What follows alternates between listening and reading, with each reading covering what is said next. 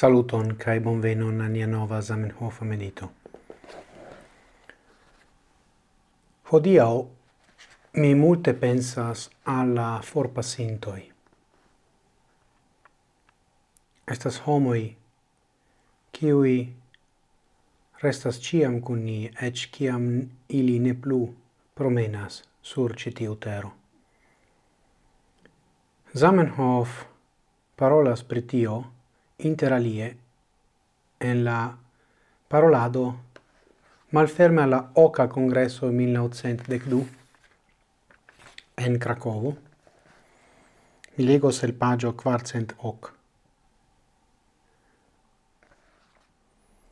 Porque ni vivantoi povu festi la hodiauan jubileon, fervore cae sindone laboris multae personoi, ciui nun iam ne vivas. Nia morala devo estus rememori ilin en la nuna solena momento. Sed, hove, ilia nombro estas tro granda porce ni povu ilin ciuin citi. Cai, crom tio, la pli granda parto el ili laboris tiel modeste, che ni ec ne scias in nomoin.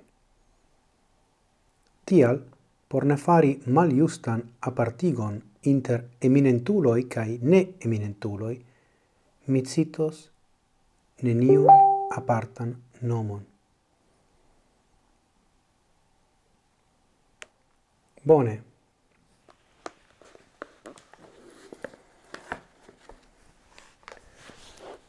Kiel profesoro pri Esperanto en uh, grava universitato tra la mondo, mi estas pritaxata eminentulo fare de multai. Sed facte, se mi ja estas en mia rolo, tio estas danke alla multai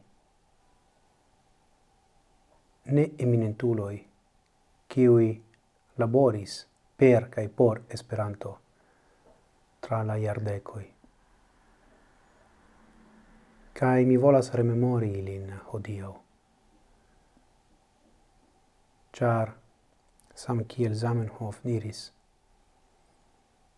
oni devas fare distingoin anta la morto inter eminentuloi cae mal ne eminentuloi, pardono. Ja. Estas strangai tempoi la nunai, ciuin ni travivas. Cai facte la morto estas anta uni.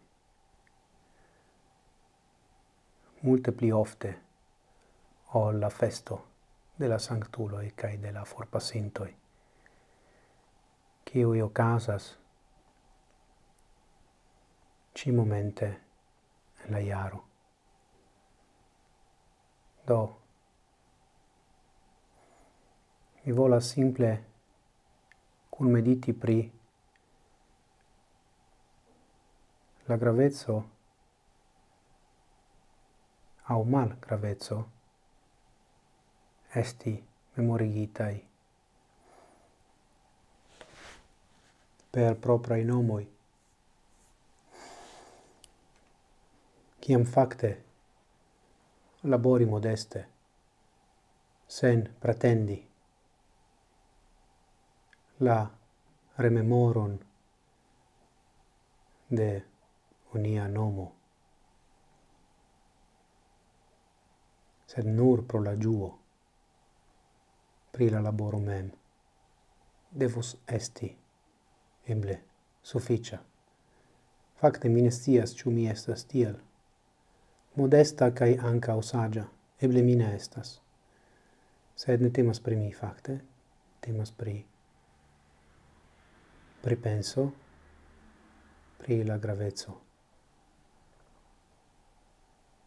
Memori la anonimai homoi kiui permesis al ni esti kion kio ni estas fakt. Dankon pro vi atento gis morgau, cae ciel ciam, antauen, sen fine.